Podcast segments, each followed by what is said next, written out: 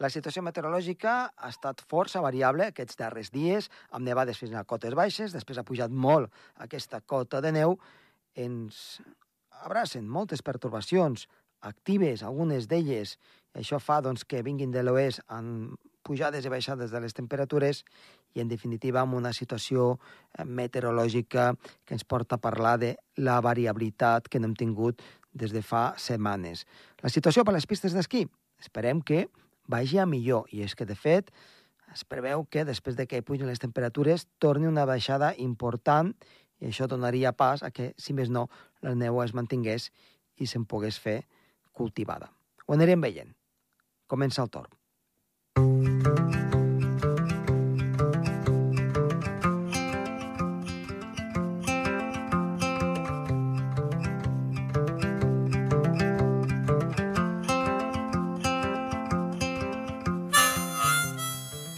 Avui hem de tenir un programa molt distès, i és que, de fet, parlarem de ciència, però aplicada als superherois. Si els superherois que doncs, veiem a tots els còmics o a les pel·lícules doncs, se'ls se, se hi aplica la ciència com cal o són fantasies. I ho farem amb en Pere Moliner. Som-hi!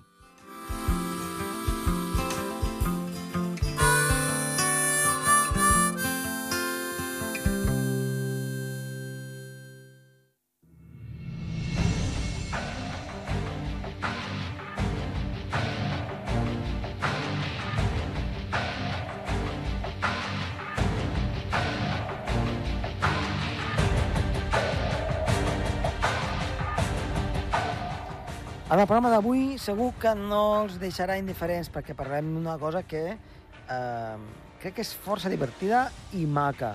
Parlarem de ciència i de superherois. I en què ho farem? Doncs amb el periodista d'aquesta casa, en Pere Moliner. Pere, moltes gràcies per tornar a estar aquí amb nosaltres.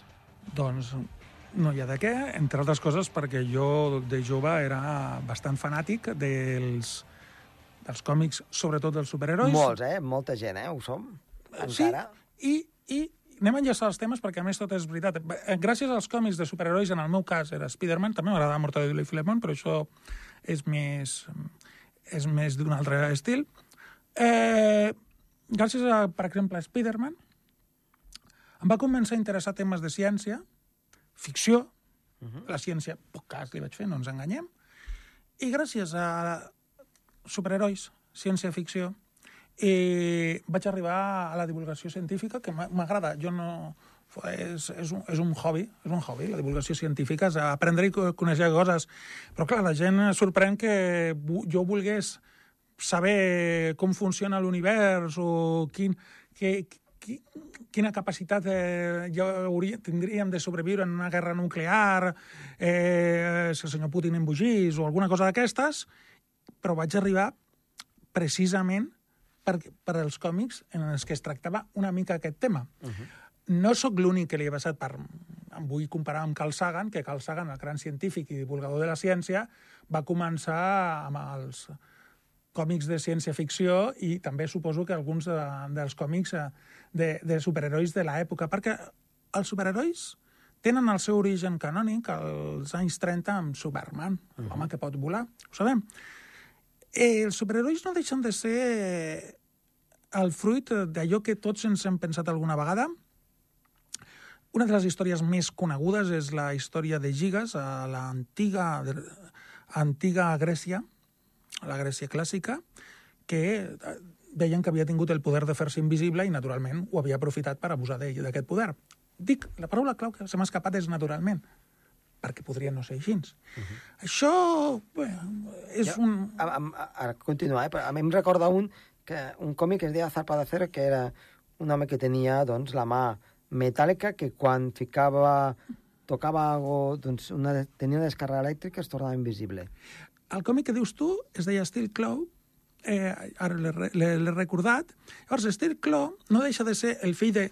El, el, el besnet de la història aquesta de, del, eh, de Gigas, eh, i en el temps més modern, quan comença la protociència-ficció, de... quan a Stephenson... No, aquest era... G. Wells va fer l'home invisible, l'home que, gràcies a un artologi invent tècnic, podia fer-se invisible, però clar, i llavors abusava i acabava morint dels excessos que havia produït a la seva invisibilitat. I precisament aquest seria el pare dels superherois clàssics i el avi o net de Steel Claw aquest. Perquè veiem com canvien les coses. Gigas eh, era invisible perquè els déus o, o màgia li havien...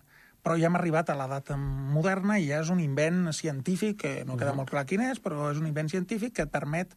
És a dir, ja, ja, hem, ja hem tingut aquesta evolució. La història segueix sent la mateixa. Als anys eh, 10-20 del segle XX, Edgar Burroughs, que és el creador de Tarzan, també va tenir històries molt conegudes, com John Carter, que era John Carter, un home que viatjava per màgia, viatge astral. He dit ciència, que la ciència començava a estar més desenvolupada, no del tot. Viatjava a Mart, llavors a Mart eh, era un superheroi. Per què?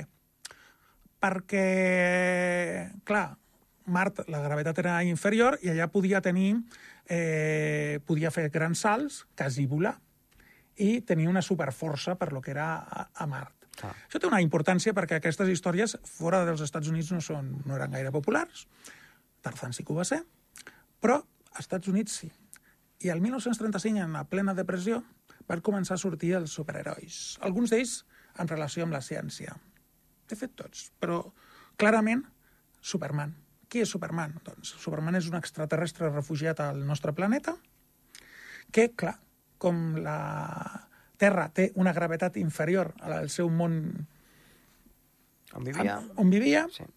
pot ter una gran força i, des, i, té una gran, i té una gran força i pot volar. Perquè, és a dir, és el fill, per entendre'ns, d'aquest John Carter a Mart. Doncs John Carter a Mart Sí. passa a ser aquest. Quina necessitat hi havia... Eh, quina necessitat hi havia? Hi ha dues humanes. És a dir, la relació amb la ciència és que, evidentment, això de volar, com no tinguis algun artilugi, està molt...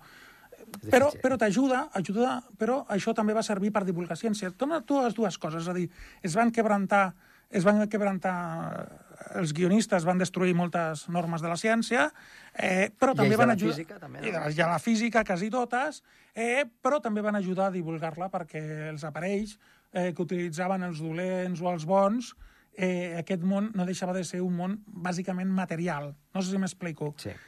Es carregaven bona part de la... Superman es destruïa bona part de les lleis científiques, però ajudava a que la gent pensés en que hi havia altres planetes, com Krypton o altres extraterrestres, i també una funció més filosòfica. És, si tinguéssim una superforça i poguéssim volar, i després els altres poders que van anar apareixent, que Superman va, va, Sí, podia...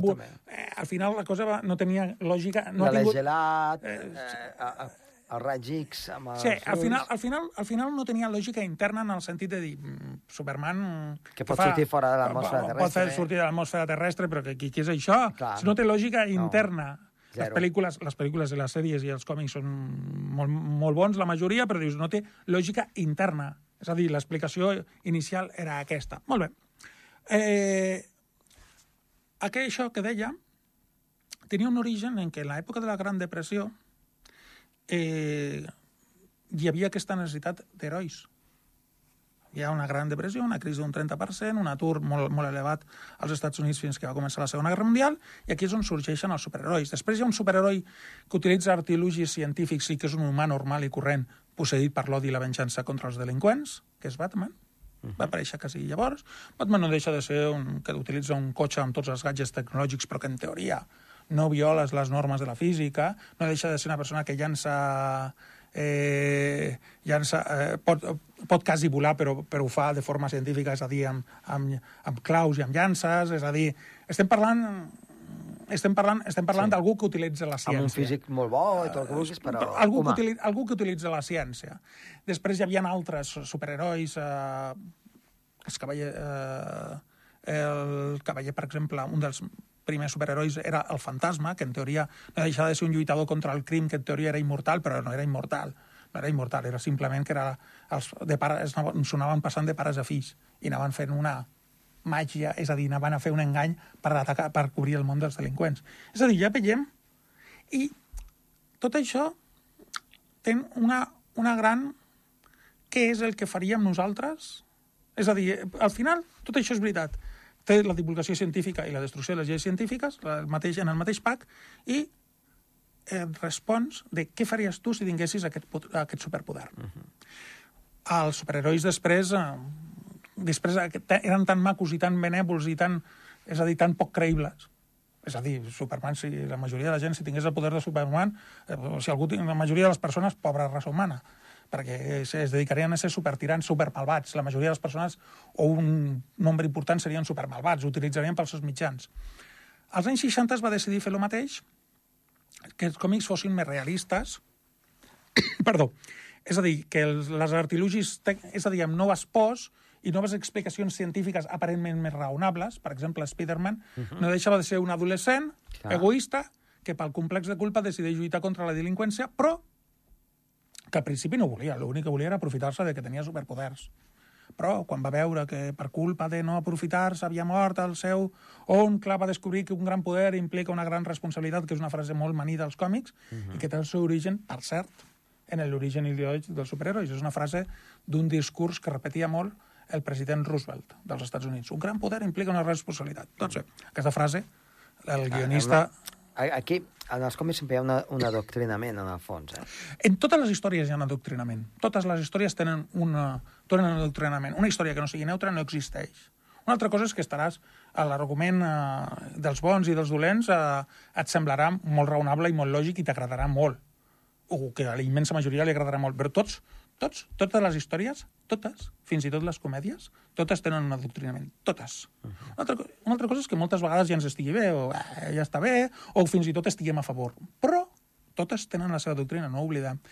Eh, llavors, als anys 60, doncs això, Spider-Man era el perill de la radiació. Clar, Spider-Man li pica un... Una aranya radiactiva. radiactiva. A la versió de... perquè han fet diversos, com ara es diu, rebuts, tant al cine com als còmics, uh -huh. l'origen de Spider-Man ja no era una aranya, una aranya radioactiva, sinó que era una aranya modificada genèticament. És a dir, fixem-nos, als anys 50 i 60 el perill, el perill eren a, a, a Godzilla, els monstres creats per la radiació, que després Godzilla es converteix en un superheroi, és una de les coses més estranyes que s'han vist, però, en fi, de ser el superdolent, el monstre dolent, a ser d'això, és la radiació i després la, la genètica.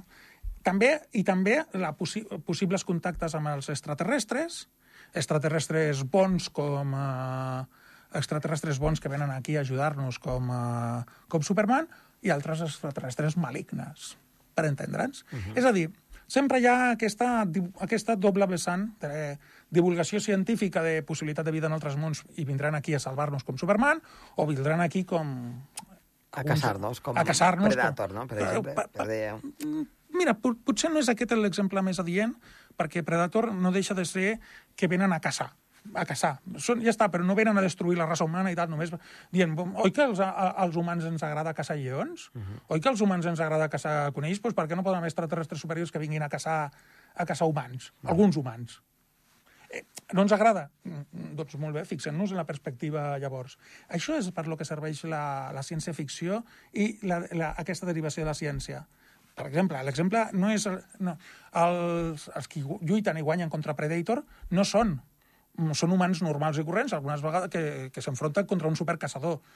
Som nosaltres qui expliquem la història als humans i acostumen a guanyar els humans. Clar. Però veus una llista de cadàvers i llavors dius dient és Predator el dolent? No. Mm. Llavors, és Predator és, és com a la història... Per ell no és dolent, clar. Ell és un, eh, dient, és un caçador. En una de les i m'estava anant de les branques, però m'encanta. En una de les històries de Predator es agafen a mercenaris, a assassins i coses així, i un metge nord-americà. I tu dius, bueno, els metges deuen haver equivocat els Predator. No, no, s'havien equivocat. I els fiquen en un, en un planeta. En, en, els fiquen en un planeta i van a caçar-los i diuen, s'han equivocat menys perquè el metge no... Diu, no, no, el metge era un psicòpata assassí d'humans. Llavors no s'havien equivocat. Havien buscat assassins d'humans. Eh, la categoria que li donem el, el, els, els humans normalment i corrents de bons perquè són soldats, dolents perquè són mercenaris, l'altre que és el psicòpata, això ja és una categoria nostra. És a dir, per això serveix els superherois, tornant al tema dels superherois, de fet és el mateix. Ara, ara vivim una època en què estem al boom i jo crec que ja està començant a haver una, un cert cansament, és a dir, ja hem arribat als límits dels superherois, perquè hem arribat aquesta segona etapa que era Spider-Man, hem arribat a, que, a l'etapa de, de l'univers Marvel, ara volen fer l'univers de DC, s'han explorat 15.000 possibilitats, ah. ara hi ha déus, eh, extraterrestres, eh, déus extraterrestres, al final cada vegada té menys lògica interna. Però explorem totes aquestes possibilitats. Què farien tu si fossis invisible? Què faries tu si descobrissis eh, de la nit al dia com era l'origen de Thor, que tu en realitat no ets un metge de Nova York, que tu ets eh, un déu d'Asgard que té un poder sobrenatural. Què és el que faries tu? Moltes vegades pel bé, sí, però altres vegades uh -huh. els seus contrincants és per altres causes més egoistes. Això, aquest és el debat. Són, són també eh, poc realistes. No, i sí. És a dir, sí que són poc realistes, perquè no vull hi ha lògica vull interna. Vull dir que, que eh, els pinten sempre de bons o de dolents, i a vegades un, un personatge podria ser bo, però una mica també pillint, no? O dolent, no? I, Això també... I, I el dolent tampoc ha de ser extremadament dolent, també pot tenir moments bons, no? Eh, això és el que està passant ara, és a dir, cada vegada més, és a dir, hi ha més aquesta profunditat psicològica. Per exemple, uh -huh. en l'univers eh, de Marvel van decidir fer vint i tantes pel·lícules que totes tenien un, un fil comú, no? Que era el superdolent, el supermaligne, un extraterrestre que es diu Thanos, que vol matar el, el 50% de la població de l'univers. I tu dius... Eh, fa. Ah, exacte, exacte. Però per què ho fa? Vol matar el 50% de la població de l'univers perquè, si no és així, ell considera que la, la vida de l'univers desapareixerà. desapareixerà. Clar. I, per tant, no deixa de ser un fanàtic eh, religiós, un salvador, un salvador en el seu fons. Uh -huh. Per tant, eh, i aquestes ambigüitats cada vegada... A l'univers de Marvel també hi ha hagut eh, una petita saga que es deia Civil War, la Guerra Civil, de mm, els superherois eh, tenen... Eh, provoquen danys col·laterals, és a dir, en una de les pel·lícules es veu que sí, sí, vau salvar d'això, però van morir diverses persones a un, un país eh, d'Europa de l'Est van morir diverses persones. O vau destrossar mitja Nova York i, escolta, l'hem de reconstruir, que, que sí, que ens vau salvar de, dels aliens xungos, però, però hi ha conseqüències. Això cada vegada està més... Això, aquesta ambigüitat cada vegada està més present. Per això jo dic que ja el, el gènere està arribant al... A la fi, no? A, a, a la, als, a la als fi, límits, als límits, sí. als límits. Perquè ja, per exemple, ja la pel·lícula... Bueno, la, el còmic, que era d'una dibuixant anglès, de Watchmen, ja és una versió paròdica. La sèrie actual de The Boys ja és paròdic. Clar. Eh, The Boys, el personatge principal dolent, és o no deixa de ser un, un Superman, una versió de Superman, uh -huh. que en el fons no deixa de ser un cràpula... És a dir, és una... ja comencen a haver moltes reflexions sobre els superherois, de que, de Boys, per exemple, les reflexions és que els superherois estan controlats per una, una multinacional, fan treballs cínics, eh, no deixen de ser una colla de cínics, que sí que tenen superpoders, però no deixen de ser una colla de mercenaris d'una multinacional per fer el seu tra treball brut i que abusen del seu poder. Tor tornant, digues, perdona, digues. No, no, amb una imatge, però intentant donar la imatge tota la contrària. Uh -huh. Tornant a l'inici eh, dels superherois, eh, quins superpoders podrien ser científicament eh, vàlids o que podíem tenir? A veure, eh, volar. Volar, volar com a tal, probablement... Sense cap tipus de... Sense cap tipus d'aparell, probablement no, però si en petites extensions, és a dir, en petites extensions... Uh -huh. Els braços? Els braços es podria fer. Modificació genètica o evolució, no? Podria ser. No, no dic que sigui, podria ser. Eh, de fet, tornem ja amb el que dèiem de les lleis físiques, les pel·lícules i còmics de superherois destrueixen bona part de les fi de lleis físiques, però això d'anar a divulgar-les, és a dir, aquest doble vessant. Uh, ja hi ha hagut treballs entre altres coses basats en projectes, a veure si podem fer com a Superman o a veure si podem fer com a Batman. Eh, la invisibilitat podria ser una possibilitat. Mm. Sí, això sí la, està treballant, sí. La telepatia podria ser una possibilitat. Mm. Podria ser una possibilitat, és a dir... Eh, el fet de... Eh, allò que fa l'empresa, l'Elon Musk, de, de Neuralink, uh -huh. però ben fet, penso que això de Neuralink no va enlloc, però, o per ara no va enlloc, eh, però ben fet i de, podria ser una possibilitat. És a dir, bona part d'aquestes... Atacs d'ira, estem pensant en, en la massa, amb, amb, Hulk. Amb eh? Hulk. De fet, probablement Hulk no deixa de ser una versió Hulk, que és... Eh, Supersoldat, no? Suposo. No, al revés. Hulk no deixa de ser una versió de... també de la versió de Dr. Jekyll i Mr. Hyde, uh -huh. que pren un comprimit Eh, llavors, la seva por dolenta, quan esclata, esclata fortíssim. Hulk és el mateix, però en una versió més primitiva, més, més realista, per entendre'ns. Uh -huh. És a dir, no és, prim...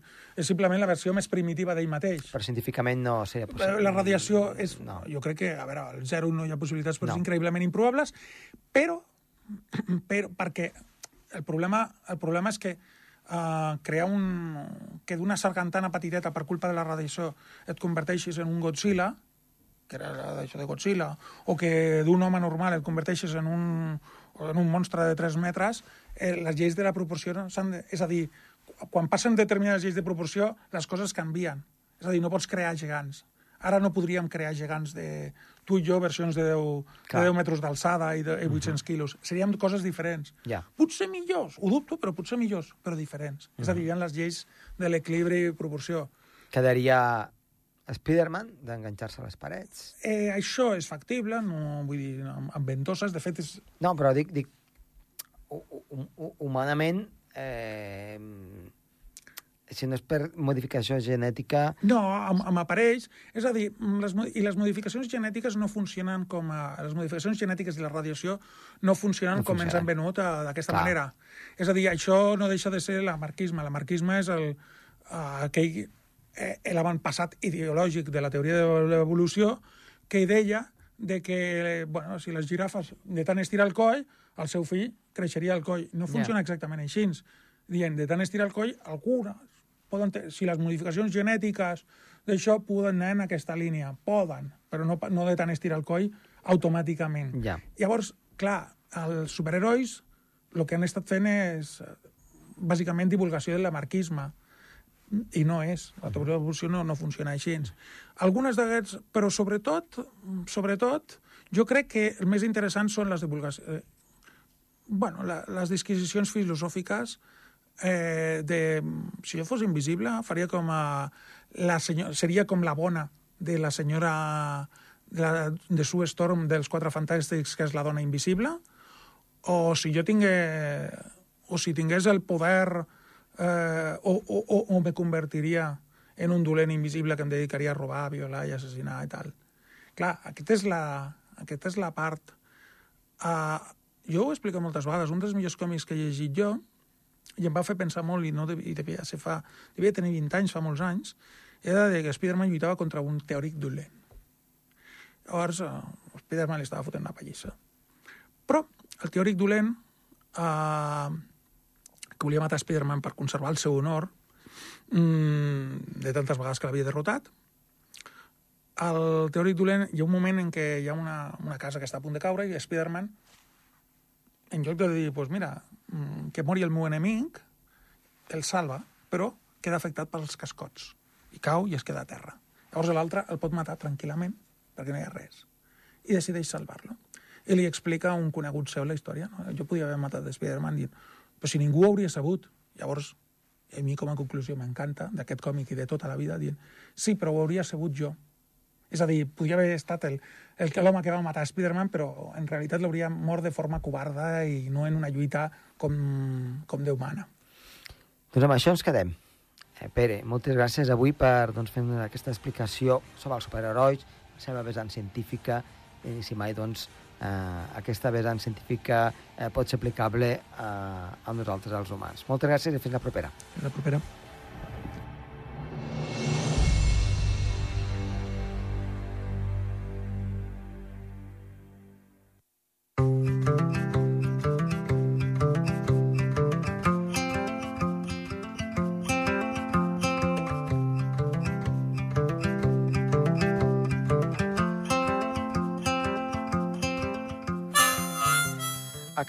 Esperem que els hagi agradat. Ha estat de les vides de so, Toni Escur, i qui els ha parlat amb molt de gust, Josep Tomàs Bosch. Adéu-siau. Adéu-siau.